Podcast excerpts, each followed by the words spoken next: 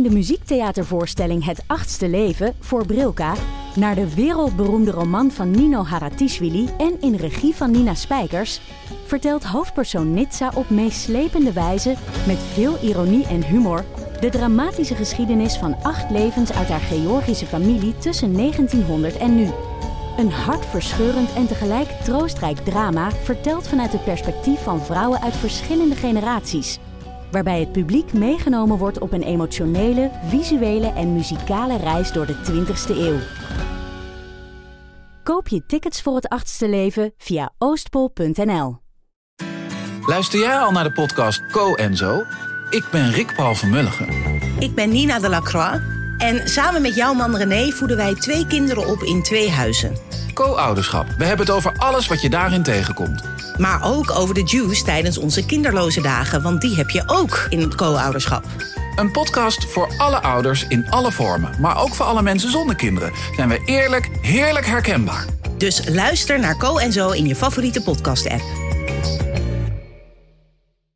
Hi Barbies, hi and Kents. Welkom bij Damn Honey.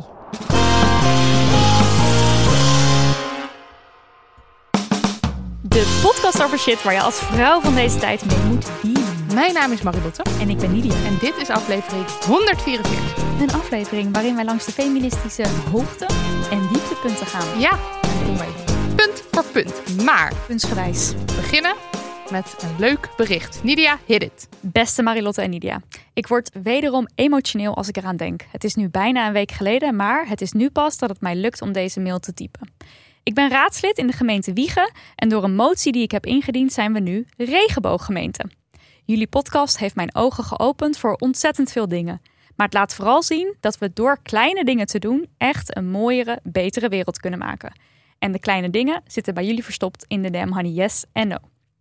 Het kleine ding wat ik wilde doen is aandacht vragen voor de regenbooggemeenschap door regenbooggemeente te worden. En dat is dus gelukt. Yay! Hey. Maar niet zonder dat het mij enorm heeft geraakt. Het raakte mij omdat ik in mijn betoog voor de gemeenteraad het verhaal vertel van mijn oudste zoontje. Hij vertelde mij dat hij niet durfde vertellen in zijn klas dat zijn lievelingskleur roze is. Oh. Ja, dat ik dit nu vertel en dit verhaal relateer aan de regenbooggemeenschap klinkt nu als vanzelfsprekend, maar dat was het voor mij niet.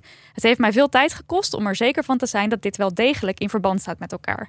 In mijn voorbereiding heb ik meerdere mensen gesproken en sommigen herkenden zich in dit verhaal of hadden soortgelijke verhalen.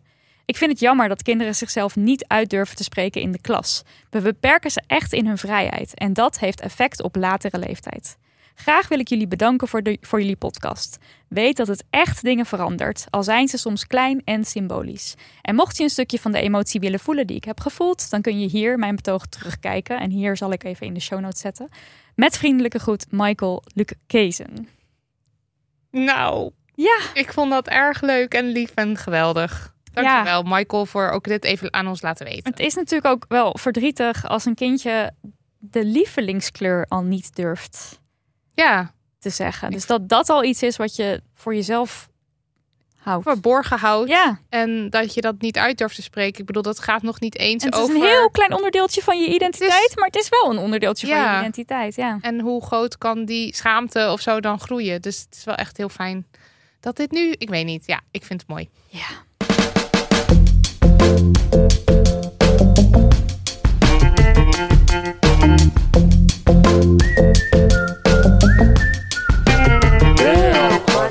Niet.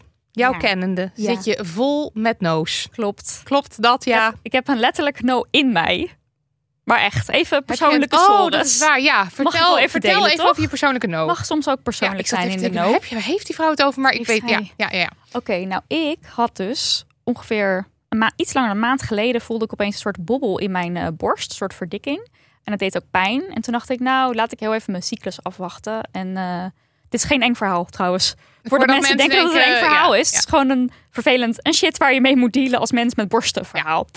Ehm, dus ik voelde dat en eh, dat doet dus ook eh, pijn en zo. En toen heb ik eerst even een cyclus afgewacht. Wat deels is omdat ik dacht, de zorg stroomt over. En ook misschien dat het nog wel weggaat met mijn cyclus, maar dat deed Mhm. het dus niet.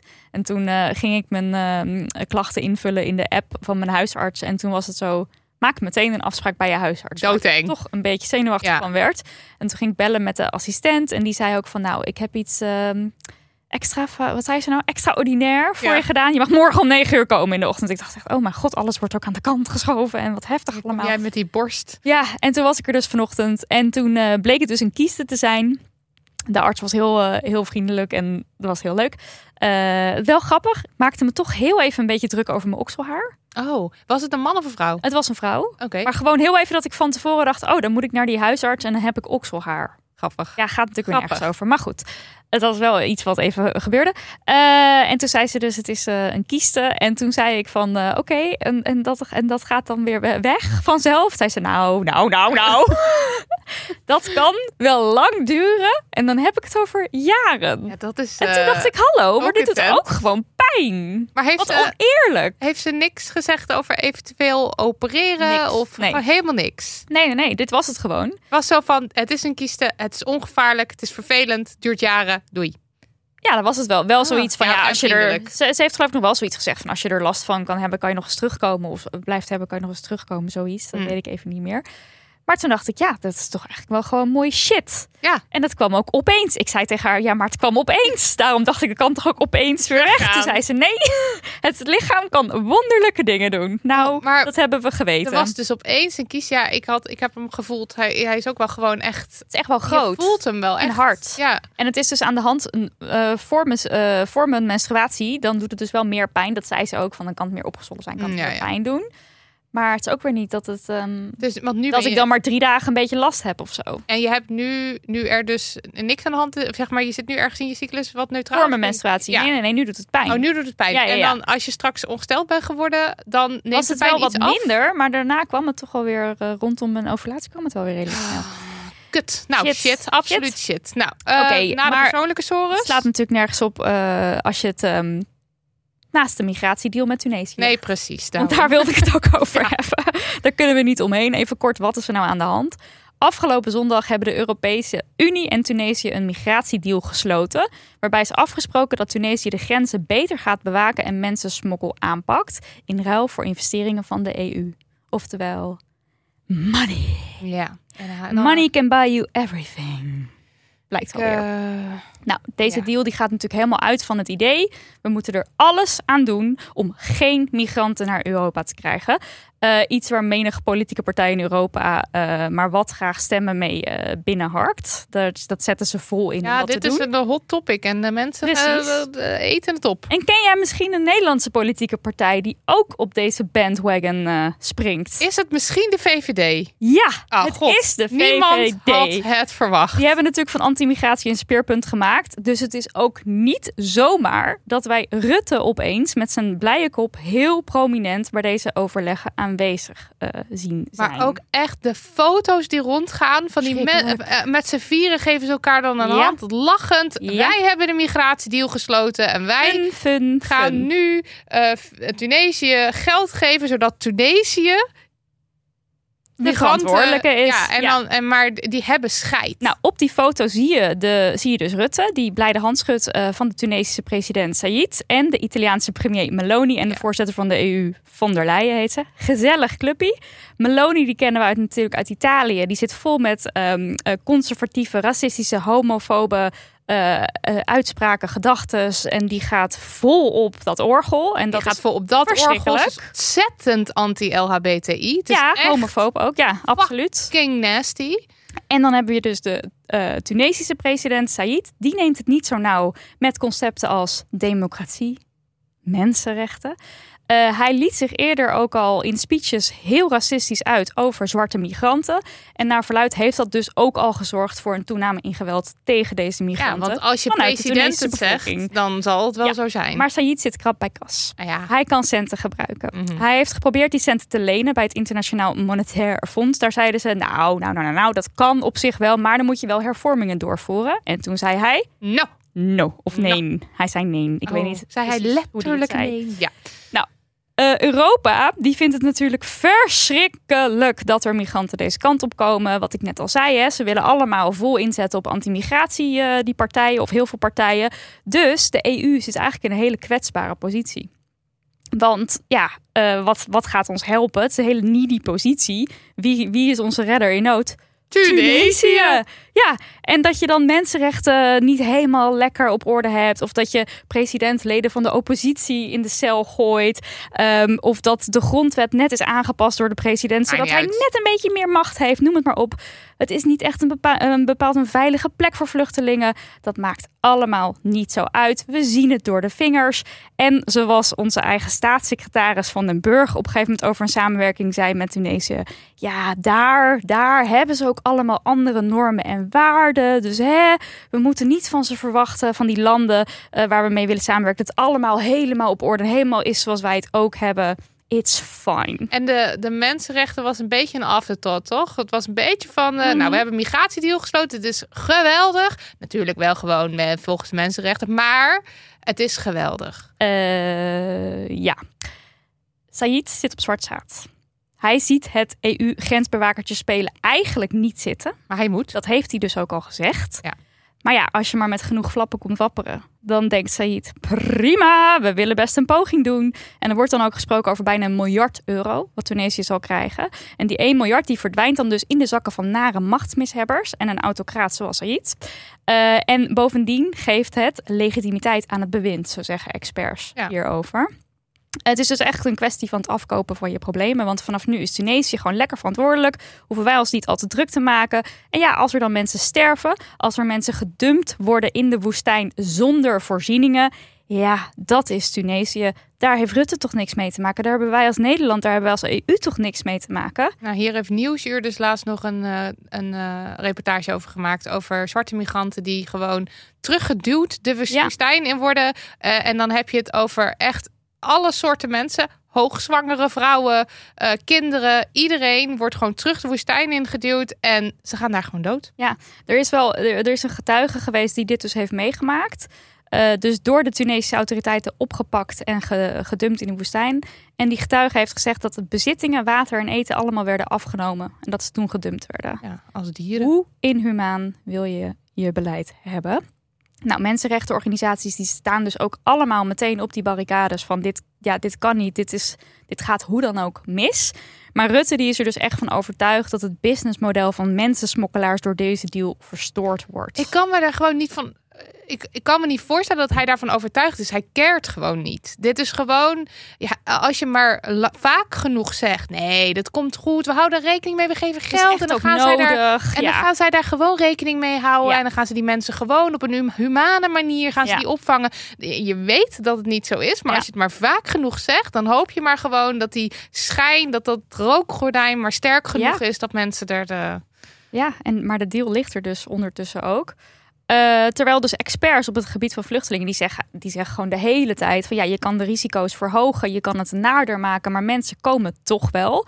Ja, er zullen misschien mensen afgeschikt worden, maar mensen die echt op de vlucht zijn voor oorlog, vervolging, zeg maar de grote heftige dingen, die gaan gewoon echt 100% alsnog. Ja. En de enige manier om hen dus af te schrikken is door als Tunesië zijnde erger te worden dan het gevaar waar zij voor op de vlucht zijn. En dat is wat ze nu doen. Nou, dat is dus bijvoorbeeld die mensen in een woestijn uh, dumpen. En de EU die is daar, ja, die is daar dus mede mede schuldig aan. Want het is niet onbekend. Dit, dit weten wij dat dit maar, aan de hand ja, is. En uh, volgens mij zijn er wel vaker uh, deals gesloten met landen die dan uh, op de grens zitten van waar migranten dan Europa binnenkomen. Ja, ja er worden de hele tijd de Turkije-deals natuurlijk heel Precies. erg bekend. Ja, dat, er worden de hele tijd van dit soort deals gesloten. En dan op een gegeven moment is Turkije, zeg maar, dat, dat is dan niet meer een geschikte route voor de smokkelaars en zo. Want gaan ze een andere route kiezen. Tunesië. Ja. En dan straks gaan ze weer via een ander land. En dan ga je daar weer een deal mee sluiten. Oké. Okay. En dan ga je dus gewoon al die mensen altijd dood laten gaan. Ik las ook al een expert die zei, ja, de Tunesische kustwacht die is daar helemaal niet. Die kan dat ook bovendien gewoon nee. helemaal niet. Dus die zullen dan misschien een keer een bootje tegenhouden, maar ook heel veel gewoon niet. En nou ja, de routes zullen dus nog gevaarlijker worden, nog verschrikkelijker worden. Uh, en wat jij net zei over die mensenrechten, dat het een soort van afterthought was. Rutte die zei zondag dat hij de Tunesische naleving van mensenrechten niet kan garanderen. Maar hij verzekerde de, de verzamelde pers ervan dat mensenrechten altijd besproken worden. Ja, ga toch weg. Ja. Ik zie die gezellige handschudfoto dan ook als, een, als een gezellige handschudden op mensenrechten schending. Ja. Dat is gewoon wat daar gebeurt. Nou ja, de handschudden op mensenlevens. Ja, ja. boeien. Ja, Zijn maar zwarte mensen of zo. Het is echt. het is gewoon walgelijk. Ehm, dan wilde ik toch ook nog even kort het een en ander debunken rondom migratie. En dat doe ik dan dankzij de journalistiek van One World. Heel goed. We love you. Yes. Ehm, demissionair minister Yeshilgus die heeft laatst heerlijk populistisch beweerd dat vluchtelingen heel veel familie laten overkomen. Dat deed ze bij op één. Eh, en dan ging het echt over, nou, dan komt er één en dan komt er nog en dan komt er heel gezin. En dat gezin die heeft dan ook nog wel een opa. En dat ging zeg maar alsof het, eh, dat heet stapelen. Alsof er dus echt, eh, als er één iemand komt, dat dan dus honderd mensen van, dat was bewijs van hoe ze het bracht. Nou, dat is vet ingewikkeld, dat stapelen, zoals men dat dus noemt. Ehm, ja, er is zoiets als gezinshereniging. Maar alle mensen die daar dan onderdeel van uitmaken, moeten ook gewoon de procedure doorlopen. En als die mensen dus ook weer mensen ehm, willen laten aansluiten, moeten ze weer opnieuw gezinshereniging aanvragen. Moeten die mensen ook weer dat hele proces doorlopen. Dat duurt om en nabij zes jaar. En dat schijnt jaarlijks om een schamele tientallen mensen te gaan. Dus we hebben het echt over. We hebben het nergens over. Het gaat gewoon nergens over. En zij gebruikt dat dus weer om de angstige burger thuis, die natuurlijk al jaren te horen krijgt van nou, de migranten zijn toch echt wel het allergrootste probleem van Nederland. ja, als de minister het zegt. I know. Op fucking tv. En I dat dan ook de journalist, of mensen, de talkshow-host niet zegt. Nou ja, wij hebben de cijfers er even bijgepakt. Maar het afgelopen jaar zijn er in totaal 33 Ja, er zijn, dus, mensen. er zijn dus niet precieze cijfers, omdat het zo'n kleine groep is. Ja. Dat er niet eens precieze cijfers maar zijn. als iemand dat al gezegd had, dan had je het al kunnen ontkrachten on the spot. Dan hebben we het aanzuigeffect. Dus het idee dat als migranten hier komen en ze worden goed opgevangen, dat er dan massa's mensen komen. Vanuit het idee, nou als je daarheen gaat, dan zit het goed, dan kom Mhm. ik. Dat is nooit aangetoond. Dat aanzuigeffect is nooit Dat is gewoon aangetoond. bedacht. Mensen kiezen niet om te vluchten naar een specifiek land, omdat daar een goed opvangsysteem is. Dat zegt hoogleraar arbeids- en migratiegeschiedenis Lucassen. Eh, het begint eerst met oorlog en vervolging, dus daar vlucht je voor. Vooral doe je dat binnen je eigen land of de eigen regio. Dan heb je vervolgens een hele kleine minderheid die dan in Europa terechtkomt. En die laat zich vaak leiden door bestaande sociale netwerken van landgenoten. Welke taal er in een land gesproken wordt. En natuurlijk ook of ze er aan het werk kunnen. Ja. Maar het gaat er dus niet om van als ik in Nederland kom, dan is er een, een fijn bed en er is eten en er is menselijkheid. En ik word als mens behandeld en niet, ik moet niet buiten Ja, slapen. Want je moet een soort toekomst voor je zien.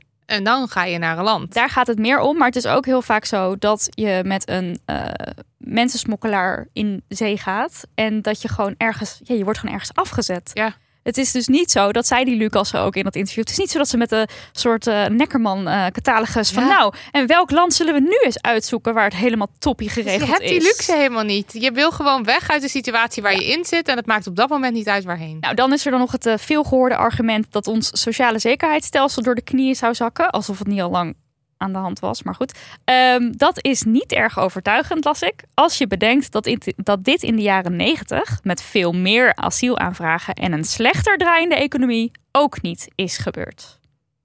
Nou, mic En drop. we hebben ook gewoon te maken met vergrijzing en met eh, allerlei tekorten overal. Dus je zou ook gewoon kunnen denken, Jee, mensen die ja, willen komen.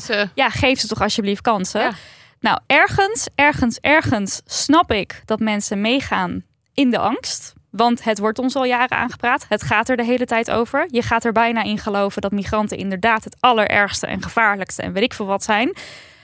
Maar echt, mensen, die angst voor die ander, ga er niet in mee. Medemenselijkheid, solidariteit, het stopt niet bij de fucking grens, mensen. Echt, het is ongefucking kent. En het is ook niet zo dat als je medemenselijkheid en solidariteit toont en gewoon omkijkt naar een ander, dat, dat, dat jij erop achteruit gaat. Nee, dat is gewoon het niet is zo. niet we, zo. Doen dit, we doen dit toch samen? Toch dan ook nog even kort dit. Ja. Het is niet zozeer nieuws meer, maar ik vond het raar om het niet te benoemen. Omdat het een beetje, het viel dan zo tijdens onze aflevering met de gast. En dan noem je het niet. Maar eh, Je kan het ook niet negeren. Nee, vrouwen in de politiek, die kondigen dus vertrek aan mede door vrouwenhaat. Eh, zoals De Haan en Kaag hebben dit bijvoorbeeld gedaan.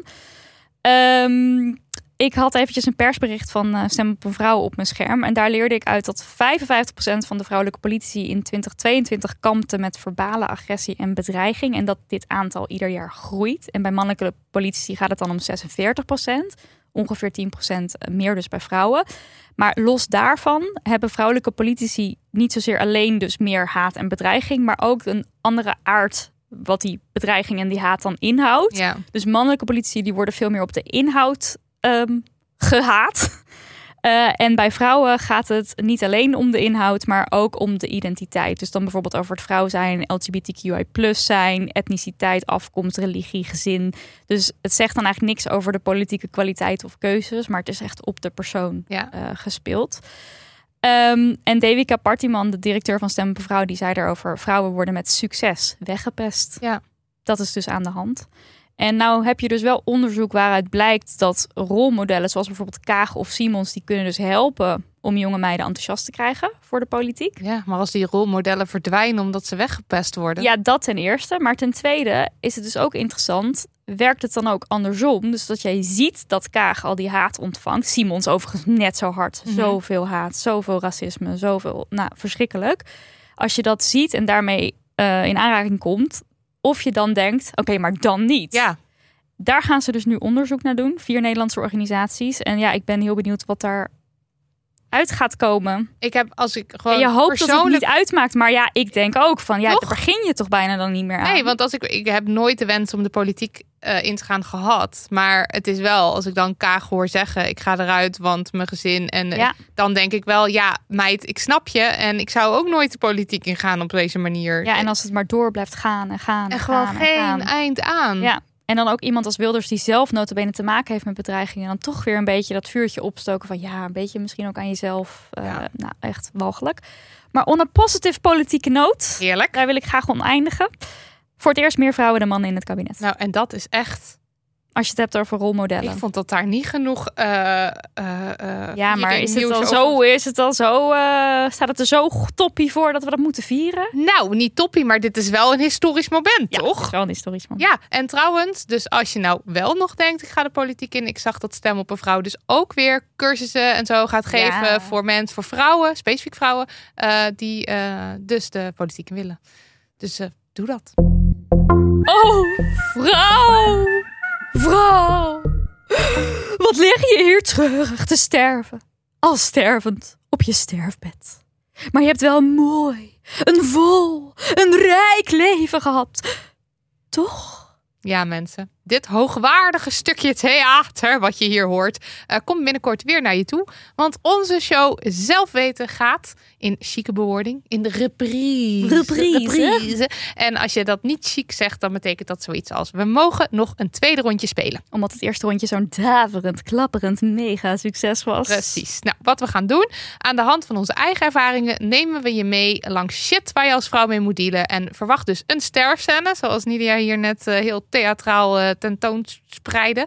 Eh, verwacht iets met een gymtouw. Eh, een klein rolletje ook voor de CEO van Lactacid. Ja, spannend hè? Ja, Nou, luisteraars die de podcast op de dag van verschijnen meteen luisteren. Hoi, ja jij, leuk. Hallo, leuk dat je luistert, leuk. Eh, je kan ons nog net komen beloeren op Vlieland, want daar spelen we komende maandag 24 juli tijdens de theaterweek van Camping Stortemelk. Maar ook de wat latere luisteraar, hallo, hey, hallo, hallo, hallo, ook leuk dat jij luistert, kan met een beetje geluk nog een voorstelling meepakken, want de officiële kick-off van deze tour is op 6 oktober. En dan staan we in... Arnhem. Arnhem. Arnhem, mijn stadje. Eh, vlakbij waar ik ooit opgroeide. Ja, dus ik eh, ken het op mijn duimpje. Ja joh, kan niet wachten om daar in het posttheater eh, wederom te vertellen over witte chocoladerepen met crispy rice. Nou, wil je maar wat graag weten wat Crispy Rice te maken heeft met shit waar je als vrouw mee moet dealen? Kom naar zelf weten. Doe het! Ga naar demoney.nl slash theater om de hele speellijst te zien. Nou, 6 oktober dus de eerste in Arnhem, maar we komen, komen bijvoorbeeld ook naar Enschede op 11 oktober. En naar Almere op 9 november. En naar Utrecht, Amsterdam, Tilburg, Haarlem, De Meer. Het Ik gaat maar door. Check die speellijst op demoney.nl slash theater. Of niet. Waarom zeg jij niks? Ja, ik dacht ik laat het de luisteraar zelf zeggen in hun hoofd. God, wat heb je toch een briljante marketinggeest. Honey, I know. Mag ik een yes, Marilot? Ja. We, we hadden net al een kleine yes. Een was politieke leuk. Je yes. hebt echt heel positief afgesloten. Dat is echt, iedereen zit er helemaal in. Bedankt. Nou, dan ga ik eh, verder met DCS. Eh, iets waar we met z'n allen niet omheen konden deze week. Het was gewoon niet mogelijk. Of je het nu wilde of niet. Barbie, de film. de film. De film.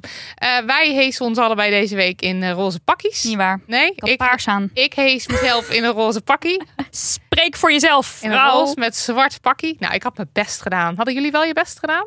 Eerlijk gezegd had ik geen tijd om mijn best te doen. Wij allemaal, wij allemaal, ik met mijn twee vriendinnen niet. Wij hadden vrij, ehm, ja, gewo gewoontjes. Nou, in ieder geval zitten we nu Roze allebei. gewoontjes, compleet paarse pak. Oh ja, jij had je paarse. ja, nou ja, goed. Maar nu zitten nu we allebei roze. roze, Dat is dus natuurlijk niet geheel. Nee. toevallig. Eh, we gaan zoveel mogelijk spoilervrij blijven. En als we gaan spoileren, zullen we dat even zeggen. Het kan zijn dat ik me verspreek, maar dan zullen ik we heb dan wel echt even. scheidhekel aan spoilers. Dat ja, weet ik weet ook. Maar jij zegt Dus- onmiddellijk als het een spoiler Ik is. zeg, eh, laten, we, laten we hierbij zeggen, we doen echt niet aan spoilers.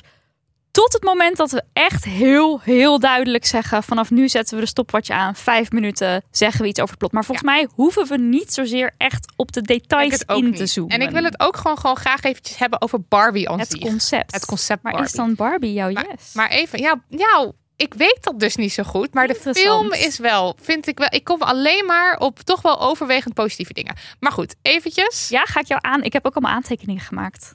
Ga maar. Ja, I Ja. love it. Nou, we gaan he- heel eventjes Barbie, eh, Ja. geregisseerd door eh, Greta Gerwig. Feministische regisseur. Ja, of van bijvoorbeeld Little Women, wat ik ook al eh, erg een leuke feministische twist vond op een oud verhaal. Eh, met hoofdrollen voor Margot Robbie en Ryan Gosling. Iedereen zit dan zo van Ryan Gosling is toch veel te oud voor Ken. Nou, ik vond hem subliem. Deze Margot man geeft ook. een Oscar. Echt hoor. Eh, nou, Barbie woont met alle Barbies in Barbieland. En het leven is roze en perfect. Er zijn slaapfestijnen en dansfeestjes. En elke dag is de best day ever. Eh, het is een matriarchale wereld. Vrouwen runnen de boel. Alle Barbies hebben topbanen. Ze zijn rechter, president, schrijver, journalist, Nobelprijswinnaars. Maar ook Al- vuilnisophaler en wegwerker. Nee, alles. dat is waar. Ja, echt maar alles. zij runnen de om- maatschappij. Precies, Ja. ja. Maar eh, zij, zij hebben alle, alle, alle beroepen. En Mhm. de Kens, die hebben geen beroepen. Ja. Ja. hun beroep, nou ja, dat is een grap voor in de, in de, in de, eh, in de film zelf. Die ga ik, ik vond dat al hilarisch wat Ken was. Nou, all is wel. Nou, die Kens die zijn er ook. Die bung- bungelen er een beetje bij. eh, want wat is Ken meer dan alleen een accessoire van Barbie? Maar dan gaan er rare dingen gebeuren. Die hou ik verder ook voor me. Heel En, goed. Ik eh, zat al te kijken. ja. Niks zeggen, niks know, zeggen. grote ogen. Ook al is dit gewoon in de spoilers Ja, te zien. Maakt niet uit. In de goed. trailers te zien. Maar niet In uit. ieder geval, er gebeuren rare dingen. Er wordt iets verstoord. En de enige manier om het op te lossen is om naar de echte wereld te gaan. Dat is het Oké, nou vooruit dat je dit Nou, zegt. dat ja, ik had, zeggen, ja, toch? voor- ik hoef dat, dat ook al niet te weten. Ik hoef gewoon niks Oh, te weten voordat ik een film zie. Nou, maar goed, ga maar verder. Ik vond dit niet een spoiler. Maar ik heb het echt voor. Spoiler, Anyway. ik helemaal beloven. We zeggen niks. Ga maar verder. Terug, moet ik Nee. terug? Oké, nou, ik vond deze film heerlijk. Ik kan niks anders zeggen. Het was eigenlijk een soort kortstroom, bijna letterlijk, omdat ik in zo'n, zo'n hete bioscoopzaal zat. Dat was echt not oké. Ik heb het gevoel dat we moeten zeggen dat we echt absoluut niet gesponsord worden om dit allemaal te zeggen. Nu mag je weer verder praten. Ja, nee, dat is waar. Dit was gewoon ook Dit helemaal. onze, ben- We hebben zelf kaartjes gekocht. We zijn niet Ja. naar de première of anything Nee. geweest. We zijn zelf geweest. gewoon. ja, we vinden Barbie. ja. Oh ja, we willen dat graag bespreken. Nou, het was voor mij een kortstroom. Ik zat in echt zo'n. Zo'n hete zaal dat ik er helemaal ik ging helemaal bed en ik kwam er ook helemaal zwetend en rood uit. Dus ik heb het gevoel dat ik ook heel veel heb gemist. Maar ehm, ik vond het geweldig. Het is namelijk Barbie aan de ene kant en een feministisch statement of manifest aan de andere kant. Is allemaal alles in één. En ik hou gewoon zo erg van die Barbie core. Geeft me roze en glitter en glamour. En eh, ik, ik kwam ook weer helemaal terug in die reclame van eh, dat, was, dat was in mijn tijd. Was het eh, Hollywood Hair Barbie. Oh, geen Weet idee. je dat nog? Nee. Dat was een, een Barbie met lang blond haar, uiteraard. En dan kon je daar met een, eh, een soort schabloontje, kon je daar sterren op spuiten op haar haar. Oh. Roze sterren. Die kon je er Nou, ook weer uithalen dan? Of? en dan kon je er ook weer Wassen. uitwassen en dan kon je Oh, dat ja. weer opnieuw doen. Nou, ik was helemaal, helemaal terug, alsof ik in een soort reclame aan het kijken was. Eh, ik wilde graag dus nog een keer heen, want eh, al die easter eggs en verwijzingen en zo heb ik vast niet gehoord. Ja, ik heb dat gevoel dus ook. Want ik wist niet dat we dit gingen bespreken. Dus ik ging gisteren naar die film toe. En ik heb hem gewoon gekeken met twee vriendinnen. En Ja. lekker popcorn gegeten. En ehm, ik heb dus wel wat dingen opgeschreven. Maar ik heb ook weer niet alle takes. Want eh, nogmaals, we gaan dus ook niet diep het plot in. Maar ik heb helemaal niet op die manier Ik zitten ook kijken. niet. Ja. En ik dacht nog wel, stel hij komt nog een keer ergens op een streamingdienst. Dan kunnen we misschien in de bonusaflevering We gaan audio commentaar en dan gaan we, ja, dat lijkt me hartstikke leuk. Ehm, Maar wat ik dus over het algemeen daarover wil zeggen, ik vond het heel, ik vond het grappig, hilarisch, kritiek op de maatschappij over de Ja. top. En dus die feministische boodschap, die zit niet verstopt. nee, het Dat is echt bam. in your face. Ja, en je krijgt hem ook echt heel expliciet op een dienblaadje krijg je hem aangeboden. En dat had niet gehoeven. Nee, maar ik vond het ook wel weer leuk. Nee, nee, ook Oh. wel weer leuk. Dat is, van, dat is natuurlijk Oh ja. geweldig. Oh, maar ik bedoel- maar ik dacht- bedoel, een Barbie-film had Ja. je ook kunnen maken Ja. zonder ook maar enig statement. Maar ja, als je, als, toen ik de naam Greta Gerwig hoorde, dacht ik wel, dat moet wel iets van Ja. een feministisch statement worden. Maar Mattel heeft wel een vinger in de pap gehad. Ja, zeker. Dus ehm, dan zou je denken van daar zullen ze wel, die zullen wel op de vingers getikt zijn en van alles niet hebben mogen niet. doen. Maar dat vind ik ook echt wel positief aan de film. Dat het dus wel lijkt alsof ze in ieder geval heel erg hun eigen eh, kant op hebben mogen gaan. Terwijl dus een mannelijke CEO hè, het idee had van we moeten van het Barbie-universum ook eh, een filmserie maken met weer 80 films die ze al bedacht hebben. Ja, En dat is meteen mijn kritische noot. Ja, het is natuurlijk ook gewoon een money make machine. maar echt. Het Hij is is heel- zo'n money make machine. Het is- Hij zegt van niet, hè? Hij zegt we verkopen ook zonder films al genoeg poppen. Ja, maar listen. Nee, Ja. dat is niet zo. Want ik Maar ben. dat zegt hij wel. Ja, dat zeggen ze. Maar ze zeggen echt, want ik heb ook een. eh, ik heb een eh, docu zitten kijken ook over Barbie. Zeg maar de, de, de toys that eh made us of zo. En Ja. dan gaat dan over Barbie. En dan krijg je heel veel mensen van Mattel ook aan het woord. En ik snap Ja. het wel, want zij, zij moeten en positief praten. Maar ze kunnen alles verdraaien. Het is echt zo Ja, slim. dat Het is ook wel wel. een aanrader om te kijken. Want het is wel, je gaat er helemaal in mee. Oh, interessant, ja. Ehm, maar en wat ik dus heel leuk vind, is dat Greta Gerwig, er zitten dus ook heel veel verwijzingen en easter eggs in, zeg maar echt, na- die verwijzen naar de geschiedenis van Barbie. Alles Ja, klopt. Klopt, ja. Alle details kloppen. Je kan echt van weet outfits, qua veel, type Barbies. precies hoe ja, ze eruit klopt. ziet, de, de, de allereerste Barbie, alles. Je krijgt dus ook enorme zin om Barbies te kopen. Ja. Daar ga je al. Je krijgt sowieso zin om ontzettend spullen te kopen. Veel nieuwe kleren. Make-up wil je gaan doen. Dus daar zit ook een klein puntje kritiek. Ja. Klein, klein, maar klein zo, puntje. ja, want Ons, het moedigt natuurlijk enorm Ja. consumeren aan. En al is dat dan misschien niet de bedoeling Nou, als sorry, het maar gaat over kleren. Barbie, Barbie is consumeren. Want je koopt Ja, maar zou het Greta Gerwig's bedoeling zijn geweest? Nee, maar nou, zij heeft denk ik wel geweten, dit is een hele slimme De, de, marketing. de fast fashion winkels hangen natuurlijk ook vol met allerhande leuke outfitjes. Ik zie ook mensen in de meest geweldige roze outfits naar die eh, bioscoop gaan. Wat ik helemaal, ja, ik snap het helemaal. En weet je, maar het is ook, natuurlijk, ja. ja. dat is. Ja, nou ja, daar heb ik ook, al die bedenkingen heb ik ook. Heel eventjes. Oh ja, ik dacht, ik jij- ga nog even verder met mijn de Ja, bedenkingen. dat weet ik wel. Maar jij ik met speelde jij vroeger met Barbies? Eh, nou, niet eh, dat ik me, ik heb het wel gehad, maar niet dat het me enorm is bijgebleven van de Barbies, de Barbies, de Barbies. Nee. Nee? Oh, nou, maar ik dus wel. Ja, ik had ook vriendinnen. Ik had zelf niet zoveel Barbies, want ik maar misschien was het wel dus heel erg zo, maar weet ik het gewoon niet meer. Oh, hè? dan heeft het nu heeft het dan achteraf geen indruk. Ik weet wel nog dat ik een. Er was een jongen die was verliefd op mij en zijn moeder had een fantastisch Bordeaux-rood skipak voor mijn Barbie gemaakt. Dat weet ik dus Gemaakt? vooral nog. Ja, zelf. Dat was fantastisch. Echt geweldig.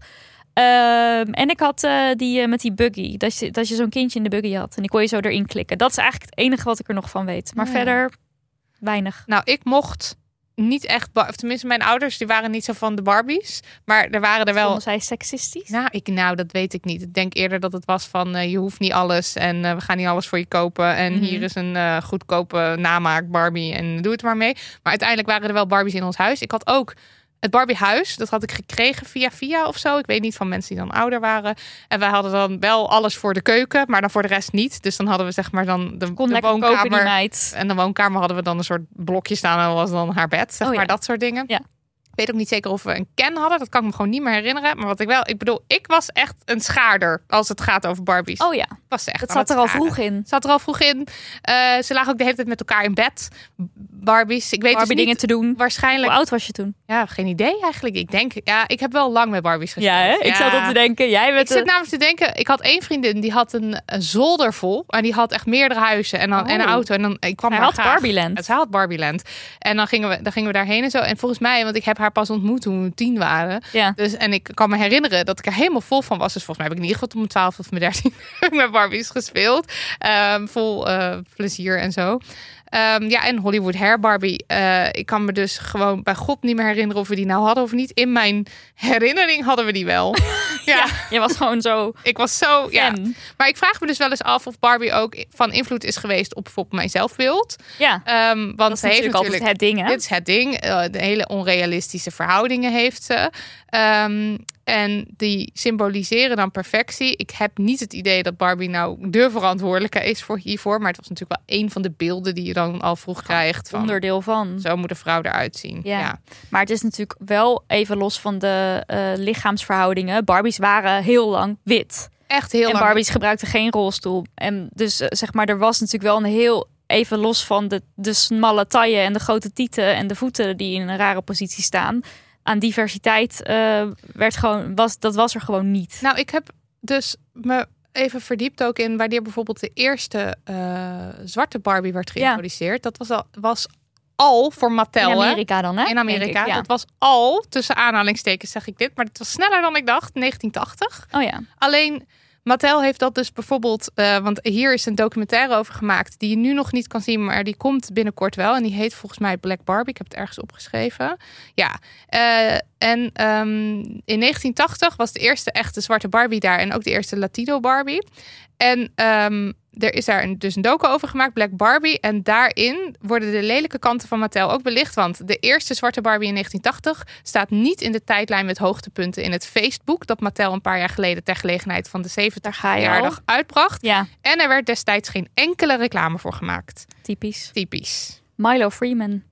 Die hadden we moeten vragen even aan te schuiven. Ja, Ze, eh, over haar verzameling. Ja, ze is ooit bij ons te gast geweest over de boeken die zij maakt. Eh, auteur en illustrator van kinderboeken. En zij heeft dus een verzameling zwarte Barbiepoppen. Ja, en eh, dat is eigenlijk, die hebben ook in het museum gestaan. Ja, geweldig. Ja. Maar wat vond je dan van de diversiteit in de film? Want Ja, dat kon toch ook... Beter? Ja. Vond je het beter? Nou, Ik- kijk, ze zijn er allemaal wel. Ja. Maar wat is nou echt hun rol? Of wat, wat, wat, wat ze zijn wel allemaal in dienst van? Met uitzondering van één hoofdpersonage. Ja, zij zijn allemaal Barbie. En Barbie is hen. Dat is het idee. Ja, Al die nou, in ieder geval, ze zijn er allemaal. ja, er ja is dat, een dikke dat, Barbie. wat ik heel top vind er natuurlijk. is hè? een, een transpersoon die Barbie speelt. Ja. En eh, ik ging dus ook wel lekker op dat heel eh, conservatieve rechts in Amerika echt, echt super anti was. Die waren echt van, vindt. wij zijn in de steek gelaten. Maar sowieso is die film natuurlijk eh, eigenlijk de angst voor veel mensen. Ja, want, want door, door eh, conservatieve rechts worden ze ook echt, wordt de film ook echt afgeraden om heen te gaan. Ja, dat Om- zal wel, ja. Omdat het dus zeg maar kinderen seks, seksueel zou beïnvloeden. Weet je wel, gewoon die, die gender, wat Ja. is het, zouden ze op... op, op, op, op- zal ook eens niet. Ja. En wordt ze opgedrongen, die kinderen. Genderdingen, seksdingen. En dat is vreselijk natuurlijk. Maar de- ik, ja, ik ga dan wel heel lekker op dat dat dus blijkbaar al de boel losmaakt. Ja. Ehm, ik vond hem wel... Ja, ze waren er allemaal. De rollen hadden inderdaad groter gekund. Maar het idee is natuurlijk dat... eh, ja, als je, Margot Robbie is de, de hoofdpersoon en met haar ga je mee.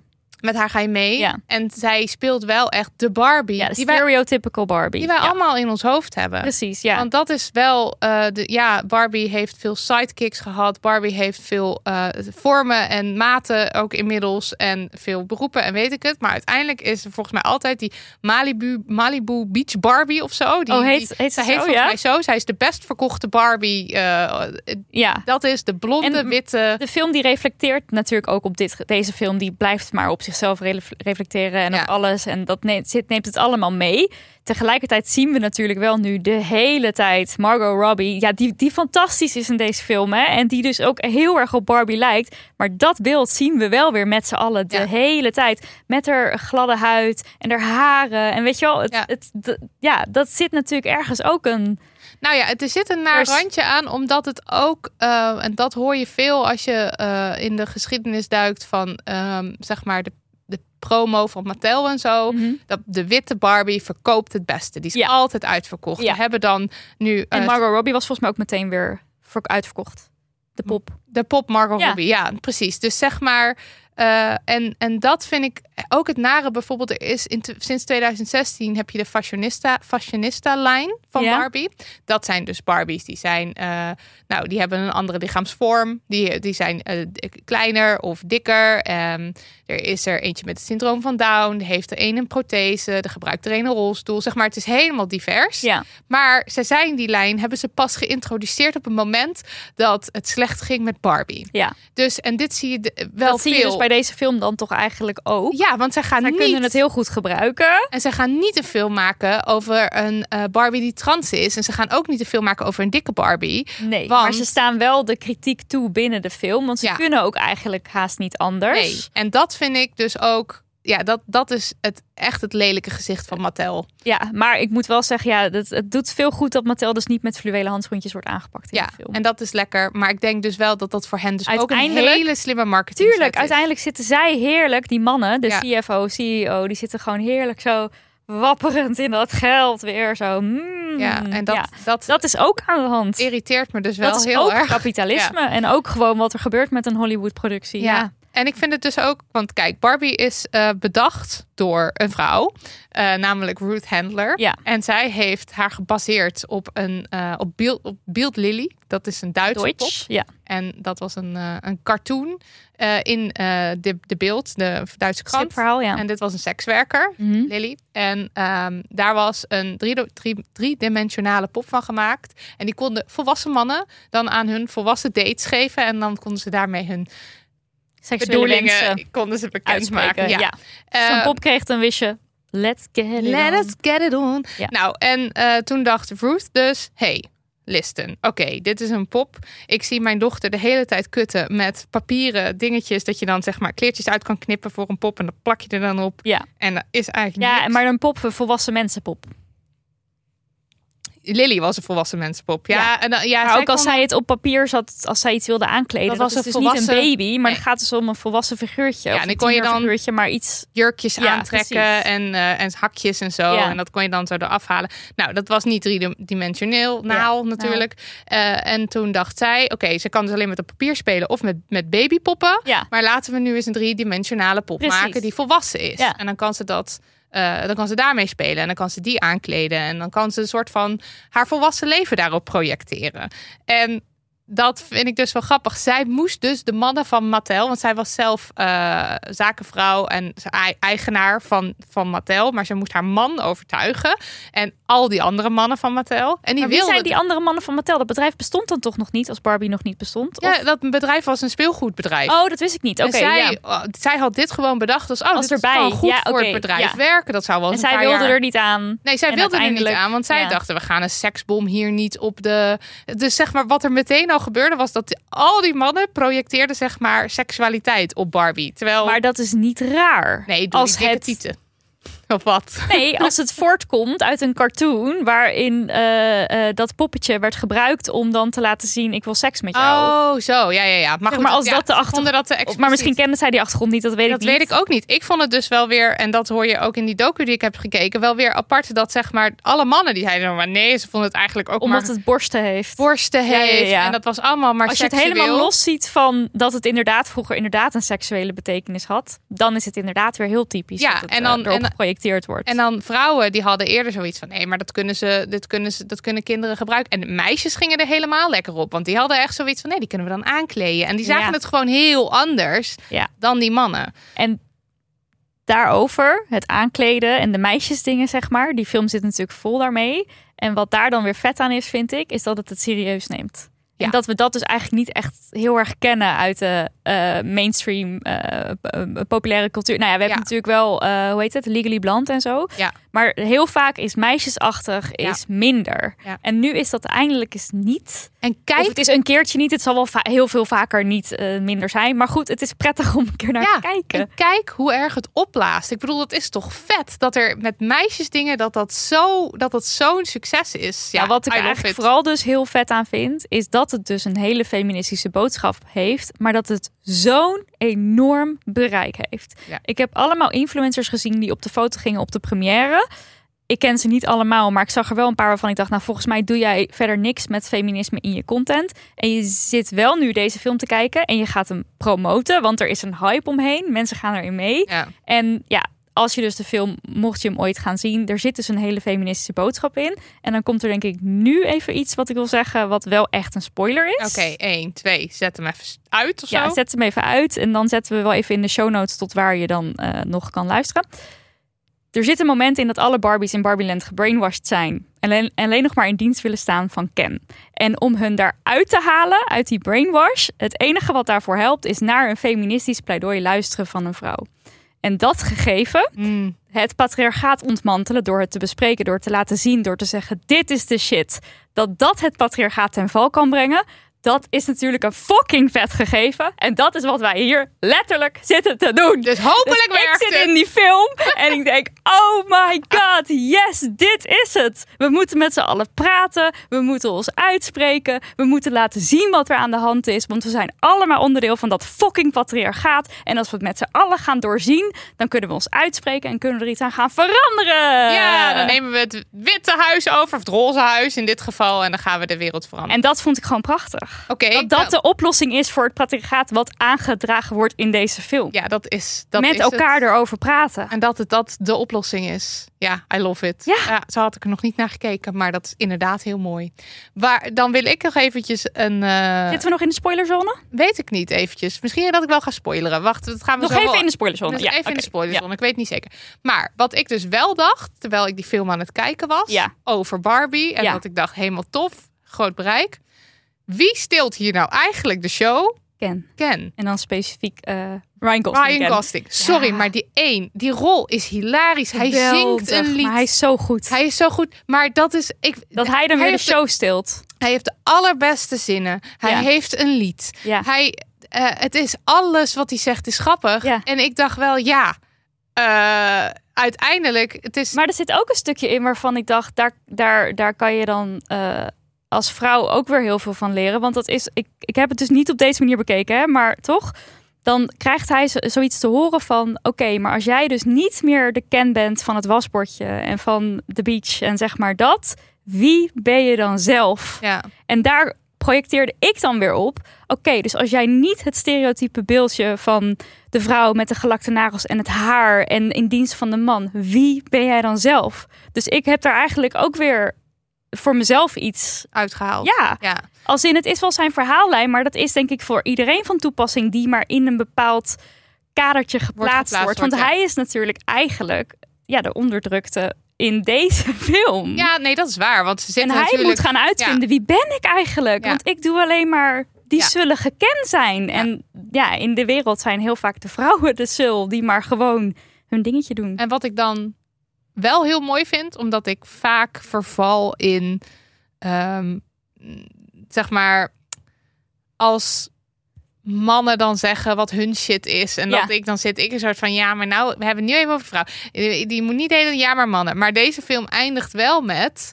ehm, jullie moeten los van elkaar, allebei samen. Hebben Samen. jullie je, je struggles? Ja, Ja. maar los van elkaar, maar ja, ja, samen. ja, precies. Ja, je Hebben bent niet afhankelijk van elkaar. Je staat niet in dienst van elkaar. En dat, dat kreeg ik wel heel erg mee, want ik denk dat ik daarin wat, dus wel wat kan leren, omdat ik erg neig naar anti-man. Ja. En eh, daarom dacht ik ook soort van, Ja. heeft iemand weer een rol?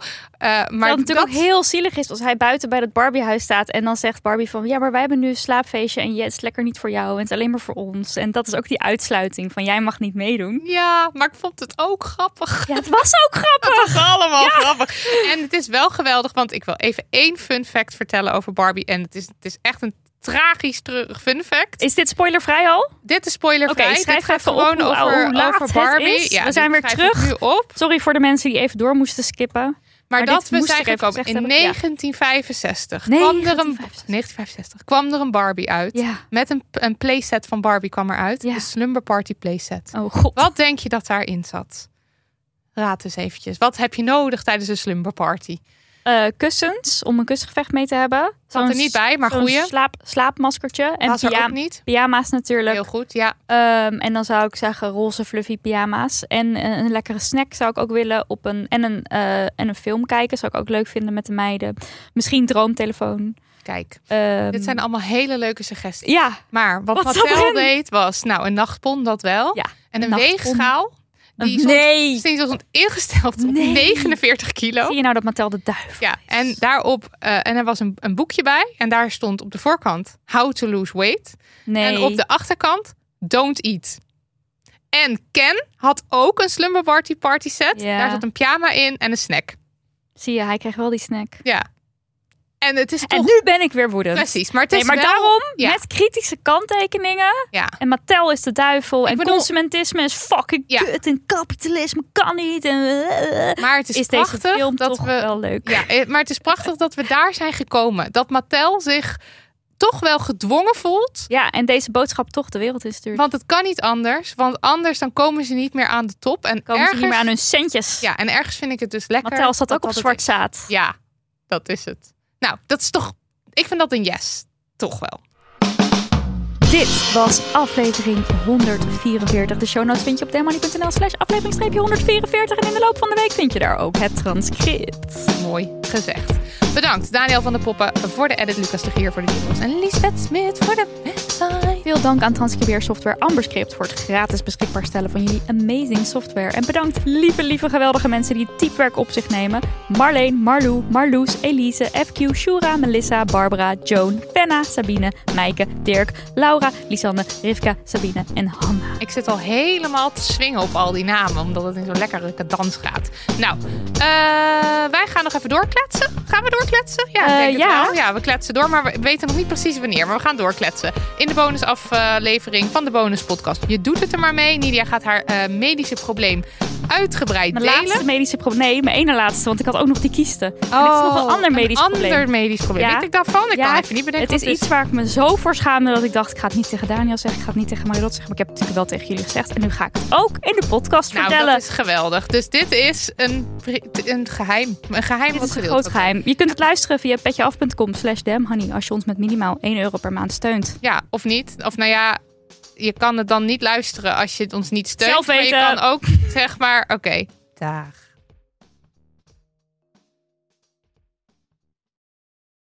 Nog even over die grootse en epische muziektheatervoorstelling.